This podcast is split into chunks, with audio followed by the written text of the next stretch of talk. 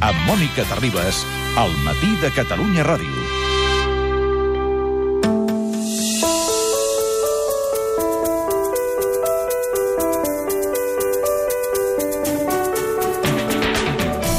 Si avui és dijous, avui és dia d'informe econòmic eh, i avui Joan Antoni Melé, com sabeu, expert en banca ètica, va ser subdirector de Triodos Bank, membre del seu consell assessor. És un home que imparteix conferències arreu del món i que per raó de les seves competències intel·lectuals el tindrem ara allunyat d'aquests micròfons. Per tant, avui és l'últim dia d'aquesta temporada que Joan Antoni Melé és aquí i ens sap greu eh, que avui sigui el dia de comiat. Joan Antoni Melé, benvingut. Gràcies. A mi també sap greu, eh? m'agrada molt venir aquí, però Però Sud-amèrica el crida. em crida. Uh, moment. Rajoy s'ha ofert a fer de mediador uh, per Donald Trump, però Joan Antoni Melé va assessorar directament i a treballar Home, sí. amb les, a les empreses i a les estructures empresarials. Sí, Cap I, a... i, i alguns bancs grans també, sí, sí. Però abans de marxar, avui a l'informe Joan Antoni Melé parlarem de dues coses. Una, les cooperatives. Les cooperatives en aquest país, perquè l'altre dia eh, dèiem que l'any passat es van crear 177 cooperatives a Catalunya, gairebé un 50% més que el 2015, que són eh, empreses, les cooperatives, que van generar 46.500 llocs de treball, a Espanya 348.000, però Catalunya sol 46.500 llocs de treball, amb un impacte laboral indirecte de 2,2 milions de persones. A Catalunya hi ha 4.700 cooperatives i a Espanya unes 43.000. Donen feina al 5% de la població activa i a la Unió Europea porten prop del 7% del PIB. Per tant, eh, n'hem parlat eh, diverses vegades del món cooperatiu, però aquesta és una de les tendències eh, que val la pena estudiar perquè és una nova manera de, de generar productivitat i també corresponsabilitat en la producció econòmica, no, Joan Antoni Sí, Melé? nova, potser tampoc tant. Jo diria estem No, no, recuperant nova no. perquè a Catalunya Nova havia no. hagut una gran tradició. Exacte, nova no, I el raó. País Basc Sí, es sí. havia ara perdut una mica amb aquestes visions, diguéssim, del capitalisme modern, competitiu, però està tornant està tornant, jo diria, de manera sana, perquè la gent jove no vol aquests models jeràrquics verticals, la gent vol poder participar no sols amb els beneficis de l'empresa, sinó també amb les decisions amb, i amb lo bo i lo dolent. I aquest és un tema que hem de parlar quan parlem de cooperatives. Cooperativa no és només anem a l'assemblea i votem, No. perquè és molt fàcil, anem i voto i després responsables és la cooperativa, sinó que jo em responsabilitzo de tot. I la gent jove, jo diria que aquest és l'esperit que hi ha, i això jo ho trobo sa. La nova economia hauria de ser cap a cooperatives i associacions de cooperatives, també. eh? Vull dir que hi ha cooperatives que s'associen per col·laborar. La idea és sortir del model de competir, competir, competir, i anem a tenir en compte tots els sers humans i anem a cooperar perquè tots estiguem millor. I Eh. això és molt sa i està creixent, i jo crec que és una bona senyal. Fugint dels tòpics, no ens cansarem de dir-ho, la majoria de la societat que ens està sentint ja ho sap, però aquest país nostre eh, ha tingut una llarga tradició en cooperatives, per exemple, en l'àmbit del, del sector primari, en el món eh, agrari, i també en el món de, de les feines de, que estan relacionades amb el teixit social, però no només. I al País Basc, com dèiem, eh, hi ha tradició també del, del món cooperatiu molt intensa, però una cooperativa pot dedicar-se a qualsevol sector. Per exemple, Som Energia és una de les cooperatives potents eh, que està mm, creixent en un món hipercompetitiu de les grans, de les grans empreses, no? I, i tenen futur, inclús, per exemple, escoles que són cooperatives, cooperatives de mestres, cooperatives de pares i mestres, això és més complicat. Sí. Vull dir que la, la idea és aquesta de, de anem a parlar, anem a dialogar, anem a fer les coses junts i no només que depengui d'un o de dos dels que tenen el capital. Que el capital no sigui l'únic en decidir i que a l'hora de repartir beneficis no només retribuïm el capital, sinó la gent que treballa que té tanta o més importància que el capital. No? També han servit per donar solució dels mateixos treballadors a conflictes socials. Per exemple, el 2015, la cooperativa L'Encop, eh, una cooperativa aquí a Barcelona, eh, que tenia subsaharians que recollien ferralla a domicili, doncs organitzar-se en clau de cooperativa els ha permès donar solució a un conflicte, no? Sí, i per exemple, quan nosaltres parlem de banca ètica, eh, COP57, que és un dels pioners amb Sí. aquesta idea de banca ètica, és una cooperativa que neix de- d'un grup d'empleats de, de l'editorial Bruguera quan tanca, Sí. es junten i creen aquesta cooperativa de crèdit per ajudar amb altres cooperatives a financiar-se. O sigui que moltes vegades és la sortida, en compte de dir, bueno, ara m'he quedat sense feina, bueno, mirem-ho com una oportunitat. O millor ara pots començar a fer allò que potser t'hauria agradat sempre i no et havies, no et havies atrevit a fer-ho, no? Aquest sentit de la corresponsabilitat és important. Segur que ara, si us dic la Fageda, us sona, oi que sí? És una marca eh, de productes làctics. Doncs des de l'any 83 dona feina a treballadors amb discapacitat intel·lectual i malalties mentals cròniques. Això està dins d'un grup, eh, del grup CLADE, que engloba mm -hmm. altres cooperatives, Abacus o Suara, que és d'assistència social. Llet Nostra és també una organització amb cooperatives, però dins del món de les cooperatives n'hi ha de tot, de tot tipus i manera. Quines són les claus? Perquè sempre s'ha parlat de les cooperatives que no ho són o que són cooperatives que, que no són ben bé cooperatives, com si eh, n'hi ha algunes que sembla que no s'adapten ben bé al model d'organització eh, de l'esperit de la cooperació o que s'hi organitzen en forma de cooperatives per estalviar-se impostos, no? Clar, la dificultat és quan les cooperatives es fan molt grans que realment es pugui mantenir l'esperit aquell de participació i de, i de responsabilitat que dèiem. Acaben moltes vegades sent potser no jeràrquiques com una altra empresa, però acaba una mica desvirtuant-se i es manté per lo que deies, per l'atractiu la, per fiscal, no? No obstant, tot i això, vull dir, jo crec que, que està bé que es mantingui aquest... Dins del grup Clade, que té ara moltes empreses que més col·laboren, entre uh -huh. ells fan un tipus de, també d'economia associativa, està Abacus. Abacus me'n recordo, fa 40 anys o 50, quan tenia els crios petits que anàvem a les escoles, tothom anava amb abacus, no? És cooperativa encara, no? Mm. Jo no vol dir que sóc soci de fa 40 o 50 anys, no he anat mai a una assemblea, dir que dels 7 o 800 o 9, no sé quants socis deuen tenir ara, molts de 100.000, s'han fet molt grans, però jo crec 850 que... 850.000 socis doncs, té Abacus. 850.000 Um, S'han fet grans, no obstant, jo crec que es manté l'esperit aquest cooperativista. Això no vol dir que tots els que en som socis en participem, perquè no, no podria ser. I una que va néixer com a cooperativa, i és la cooperativa emblemàtica del sector primari, que és uh, l'antiga cooperativa agropecuària de Guissona, no? que, sí. que, però que s'ha convertit en Bonare, que ara ja no ha funciona canviat, com a, sí. com a sí. cooperativa. Uh, I abans parlaves del País Basc, allà també hi ha hagut una evolució. El Fagor d'avui no, no prové de la, dels... no neix amb el mateix esperit del que és ara. Però el que sí que diuen les xifres és que les cooperatives han resistit millor la crisi que altres empreses, i això és significatiu, perquè del 2009 al 2013 l'ocupació en el sector va caure un 8%, 10 punts menys que la mitjana. Per tant, les cooperatives han resistit millor la crisi, perquè no? Perquè són més humanes, perquè a l'hora d'haver una crisi, en comptes de dir, pues, acomiadem a, a mil persones i seguim mantenint els sous, els càrrecs directius, doncs al no haver aquests càrrecs directius en sobresous i en bonus, dius, doncs potser tots ens apretem una mica el cinturó i no cal posar ningú al carrer. La Aquesta limitació de salaris Clar, és una de les claus, per no? mi és la clau, que és la, crec que és una de les aberracions del sistema capitalista liberal, pagar aquests sous a gent que a vegades ni se'ls mereixen, vull dir, per, van per altres temes, no? Llavors, dins el món cooperativista, i jo ho he viscut en alguns casos quan estava a Triodos, doncs, escolta, si tenim d'apretar, doncs, millor baixem el sou a, a un, un 10% amb uns, un 7% amb d'altres, un 5% als altres, i amb això no cal posar ningú al carrer. O sigui, aquesta visió de, de que una persona és més important que un benefici ha fet que poguessin aguantar... També n'hi ha hagut algunes que ho han passat malament, eh? Sí, sí. Que tot i ser cooperativa, no, no, tot el la crisi petit... ha sigut brutal.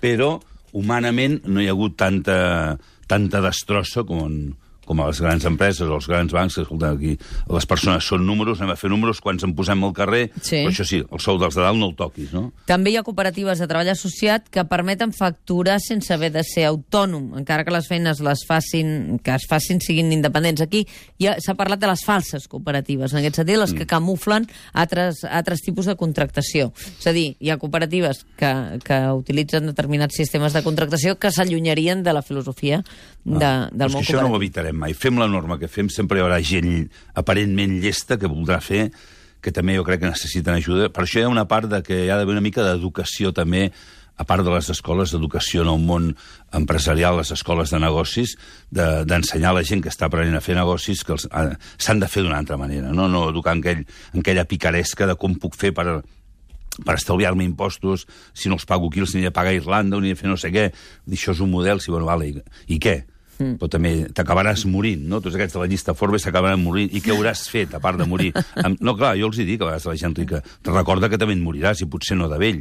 Diu, això és molt desagradable. Bueno, però no ho he posat jo, això de la mort, no? Mm. Perquè no ens mentalitzem a fer un altre model econòmic, no? Aquesta és la idea que hem d'anar en cal... Perquè si tot han de ser lleis i controls, no ens en sortirem.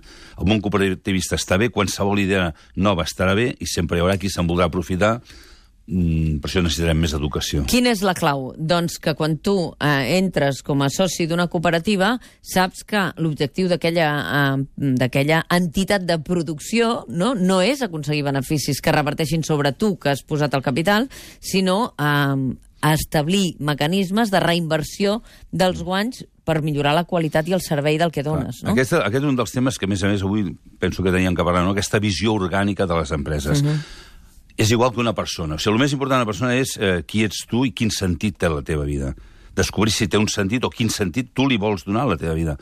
La vida no és només, com diuen alguns vegades, bueno, jo per mi la vida, si tinc salut i treball, doncs vaig tirant jo dic, bueno, potser vas tirant la vida, perquè no és només salut i treball, és a dir, què et proposes fer com a ésser humà? Moltes empreses no tenen propòsit, no tenen missió. La missió és guanyar diners. I si els preguntes per la missió, diuen, pues aquest any volem créixer un 30%. Sí. Això no és una missió.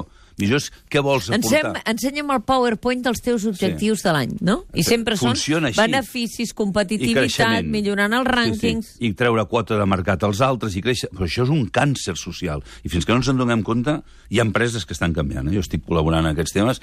Llavors, primer que tot, tenir una missió. Què vols aportar a la societat amb la teva empresa? Quan fas això, els treballadors de l'empresa viuen aquesta identitat de l'empresa. Poden, si ho, si ho saps transmetre, ho saps fer participatiu. Sí. No tot és beneficis. Inclús pot ser cooperativa, però si això no està clar, la gent no treballa a gust moltes empreses, la gent està amargada perquè no sap el que està fent allà, mirant el rellotge a l'hora de plegar. Mm. En canvi, quan hi ha una identitat clara, una missió, volem aportar això perquè el món, gràcies a això, estigui millor, això és la clave de sanació d'una empresa, que no és tot. Per aquí es comença, no? Les cooperatives de treball, que són les més nombroses que tenim a Catalunya, en són unes 3.500, eh, permeten als seus empleats, la gent que, que en són socis, col·laborar en les decisions estratègiques de l'empresa. Això és un dels factors que fa que aquest ens eh, viu, eh, tothom s'impliqui i se senti partícip de l'estratègia de futur de l'empresa. Aquesta és una de les claus de la millora, una no? Una de les claus. I amb la gent jove, moltíssim. Quan presenten currículums, hi ha gent que deixa treballs molt més ben pagats per anar a una empresa on puguin participar i sentir-se que formen part d'un pla que té sentit. Això és un tema molt, molt interessant i esperançador. Perquè ara cada vegada més què passa? Doncs que aquestes estructures jeràrquiques de les grans empreses tu posen aquell jef, aquell cap, no? i aquell pren les decisions. I els treballadors, doncs ara segueixo la línia que marca aquest, segueixo la línia que marca l'altre, i aquest ja el faran fora i vindrà un altre a ocupar el seu lloc, però el treballador eh, continua sent una peça de l'engranatge que no acaba de sentir-se part viva d'aquella empresa, Exacte. no? Mira, l'altre dia en un curs que estava donant, precisament en un ajuntament que havíem comentat, els posava un exemple que és molt clàssic, és molt conegut, però és molt entenidor, no?, per la gent que no hagi sentit mai. Una persona d'edat mitjana va passejant i es troba una persona picant pedra. Sí. I diu, què fas tu? Diu, pues mira, una merda, tot el dia picant pedra, això no hi ha qui ho aguanti, i al cap d'uns metres un altre fent el mateix. Diu, i tu què estàs fent? Diu, jo estic construint murs. I més passos endavant un altre que feia el mateix, diu, tu què fas? Diu, jo construeixo catedrals. O sigui, un diu, jo pico pedra tot el dia, això no qui ho aguanti, i l'altre diu, no, jo estic construint una catedral. I jo estic fent la pedra ben feta per ser part d'aquella catedral. Per Aquesta tant, és jo la idea. formo part d'aquell projecte. Jo he construït aquesta catedral. És un exemple molt senzill, però una imatge de dir, el treballador tingui el lloc que tingui, s'ha de donar compte que ell és part important de l'empresa i ha de ser autèntic, no ha de ser per cada bé. Però clar, això ha de començar per, per dalt, per l'equip directiu, pel Consell d'Administració, tenir-ho clar i crear un model, com deia abans, orgànic de treball, tant d'aquesta identitat i la missió de l'empresa, com s'estableixen les relacions, com s'estableix la comunicació de dalt a baix, perquè sí que hi ha unes responsabilitats diferents, però s'ha de saber comunicar i fer participar l'altre. Mm. L'altre dia parlava amb un treballador d'una empresa gran, um, que fa molts anys que conec, i en un moment donat hi havia una discussió tècnica tonta, no? I em va dir, jo ja no pregunto. Jo fa anys que ja no pregunto. Ho volen així? Ho faig així. I vaig pensar, estem perdent la implicació. I el perquè talent. quan una persona et diu, jo ja no pregunto, uh, si volen a la dreta, a la dreta, si volen a l'esquerra, a l'esquerra, vaig pensar, home, aquesta uh, empresa concebuda com un organisme viu, si és, jo ja no pregunto, faig el que em diuen, estàs perdent la catedral i estàs, estàs picant tot, pedra. Tens gent desmotivada i perds el talent. Jo, per exemple, jo col·laboro bastant amb una empresa que es diu Organic Actions, o uh -huh. accions orgàniques, que tot tipus d'empreses, eh? des de sector públic, no públic, de sanitat, educació, de tot. I primer que tot entres en una empresa i fas una observació per veure eh, com està funcionant. I normalment veus això, o sigui, veus desànim, gent fastiguejada, gent que... La meva responsabilitat Com detectes que una empresa està a les portes de deixar de ser un ésser viu? Bueno, jo diria, ésser viu són totes encara però notes en seguida les que estan molt malaltes, malaltes, sanes, sanes, poques. Poques perquè les empreses funcionen amb la por per sobreviure. Només volen sobreviure o créixer. I fins que no se'n donen compte que l'objectiu d'una empresa no és sobreviure i créixer, sinó eh, estar sana i aportar salut, aportant valor a la societat, no es pot fer el canvi. Però n'hi han que la malaltia ho notes. Només entrar a l'ambient o preguntes amb alguna persona, la manera que et contesta, dius, mare Déu, aquí hi ha un problema seriós, no? En el món cooperatiu, evidentment, hi ha una limitació de salaris i, per tant, no hi pot haver decalatges entre les persones que fan una feina i els que estan a dins de les estru- estructures de, de direcció, i, per tant, aquests salts que hi ha en les grans empreses de dir els caps cobren eh, multiplicat per, per 25 el No, que no, cobra una 500. persona, no, per 500. En el món cooperatiu això no passa i això ajuda en aquest organisme viu. Les condicions laborals són la base d'aquesta vida orgànica, d'aquesta concepció orgànica de les empreses? Sí, la, les relacions humanes dins de l'empresa. Per això deia, no, ser cooperativa ajuda molt, però no el fet de ser una cooperativa jurídicament garanteix que les relacions seran sanes. Perquè els éssers humans, home, si a, a casa, amb la família, amb la parella, ja costa, doncs amb una empresa, per molt que sigui cooperativa, també costa. Per això s'ha d'establir tot un sistema de com ens relacionem, com s'estableixen... Tothom decideix, però com s'estableixen les relacions internes, com hi ha transparència, no només de cara al carrer, transparència interna amb tot el que està passant. És, dir, és un treball que no és només la voluntat, requereix, les relacions humanes requereixen una nova intel·ligència emocional, que ara se'n parla, que si no haguéssim perdut els clàssics i els grecs l'hauríem tingut sempre, els grecs Platón ja ens en parlava d'això, jo ho he utilitzat, Platón parlava de la recerca de la veritat, la bellesa i la bondat, mm. com arquetips, jo això ho he utilitzat per treballar a l'empresa Trio Dos Banc amb els directius. I ara jo sóc un gran directiu d'una gran empresa. Dic, molt bé, molt bé, Joan Antoni Melé, vine tu davant dels accionistes quan vinguin a reclamar-me els beneficis d'aquest any perquè els expliques de la sí, bellesa i de la bondat. Que, no, però és que això després ho baixo a lo concret. que jo cotitzo a borsa i jo els hi he de tornar els diners, em deia l'altre dia un empresari, i jo he de donar explicacions Clar. i fem molt pocs beneficis, I perquè jo- 100 milions de beneficis d'euros no és res. Jo sóc banquer i sé que s'han de tenir beneficis i fent això s'entenen iguals, fins i tot a vegades més.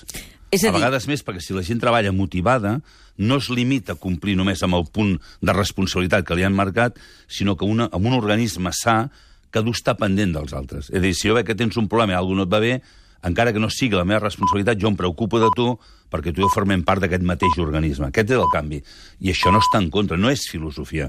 Pot semblar filosofia, però quan ho baixes a lo concret, quan dius veritat, veritat, per exemple, era transparència, és coherència, és autenticitat, quan els directius treballen en aquests criteris amb els seus propis treballadors i de cara als clients, l'empresa té un canvi espectacular. A Triadors treballàvem així. El tema de la transparència és el que ens va donar més èxit en el banc. O sigui, dius veritat, bellesa, bondat, sembla filosofia. No és filosofia, són uns arquetips que després els baixes... Home, ara no tinc temps aquí d'explicar-ho en detall, però pots baixar algo tan concret com la vida quotidiana d'un banc. Però eh, quan parlem de la transposició d'aquest model orgànic en una empresa de les que coneixem amb normalitat, eh, posa-li una botiga, un, un forn, eh, un forn que té un propietari i uns empleats. Aquí, eh, quin exemple pràctic podries posar que, que fes que això es traduís, eh, aquesta filosofia vostra, es traduís en, en, una, en un fent- canvi de model? Ho estem fent en qualsevol tipus d'empresa, amb un forn concretament. Bueno, és no igual, hem fet, és igual, he dit un forn, com podia haver dit una- No, però amb empreses metal·lúrgiques, de sanitat, Sí. sí. eh, esportives, de tota mena. Però primer et dic, has d'entrar, no pots fer una fórmula, perquè has d'entrar, observar i fer com un diagnòstic d'on veus els problemes però sempre d'entrada has de treballar amb l'equip màxim directiu, amb el Consell d'Administració, l'equip directiu, perquè entenguin ells clar aquesta visió orgànica de l'empresa, que tinguin clara la missió, que la missió no és només guanyar diners, això és una necessitat, guanyar diners. O els resultats. Que si ho fas bé, un resultat a final d'any ho tindràs. Però la missió és què estàs fent com a empresa, com a entitat, com a organisme, què aportes al món. Però aleshores, a molts d'ells et diuen, els directius d'aquestes empreses jeràrquiques, diuen no, perquè si et relaciones directament amb els treballadors, després quan has de prendre decisions sobre ells, no. no tens la distància suficient per prendre les decisions dures i estratègiques que l'empresa requereix. Per tant, relacionar-se amb els treballadors de base et porta a empatitzar massa amb les seves estructures i a quedar capturat en el moment de treure el ganivet i començar a esquarterar, per entendre'n. Sí, però això és por. Això és por. Que és el que mou molts directius. Bueno, és que no, sé, no tothom que és directiu té la capacitat per ser-ho o no l'ha desenvolupat prou per la nova època. I molts empresaris directius que ara tenen èxit, com no vegin aquest món que està venint, eh, molts estaran fora del mercat en quatre dies. Jo me'n recordo quan estava l'altra entitat que estava en una caixa, ens posaven com a model rang Xerox, el model mundial d'empresa. En quatre dies va desaparèixer del mercat, perquè no va saber veure aquest canvi El que li venia. venia al damunt, no? Kodak. Llavors, molts, no, no, els beneficis dels accionistes. Ja, això ja ho sé, però com no vegis aquesta altra part, el gran talent se t'anirà de l'empresa, la gent amb més talent se'n va perquè no aguanta, eh, conservaràs el menys talent, la gent desmotivada, i quan vinguin aquests canvis no et sabràs adaptar. Jo parlo des del punt de vista empresarial, no és filosofia, no és romanticisme, no és sentimentalisme, és això ho fem entre els sers humans, si no els tenim en compte, l'empresa està malalta, molta, molta gent que no va a treballar, això ho sabem, que està malalta, que no es troba bé, que no rendeix suficientment, gent desmotivada, això és per falta d'aquesta visió orgànica.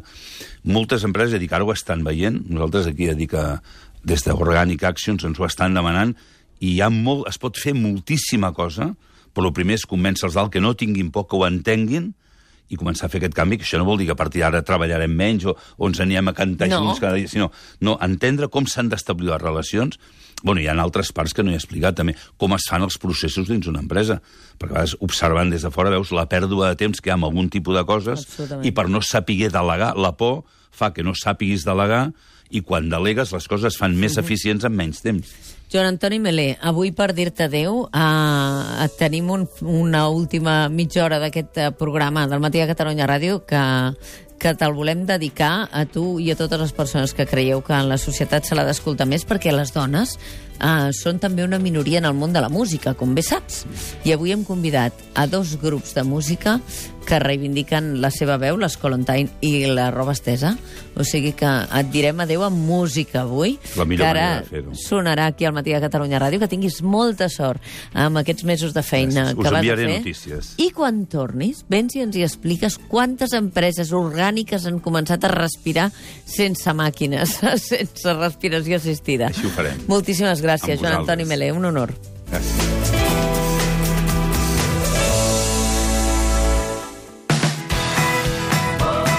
Amb Mònica Terribas, al matí de Catalunya Ràdio.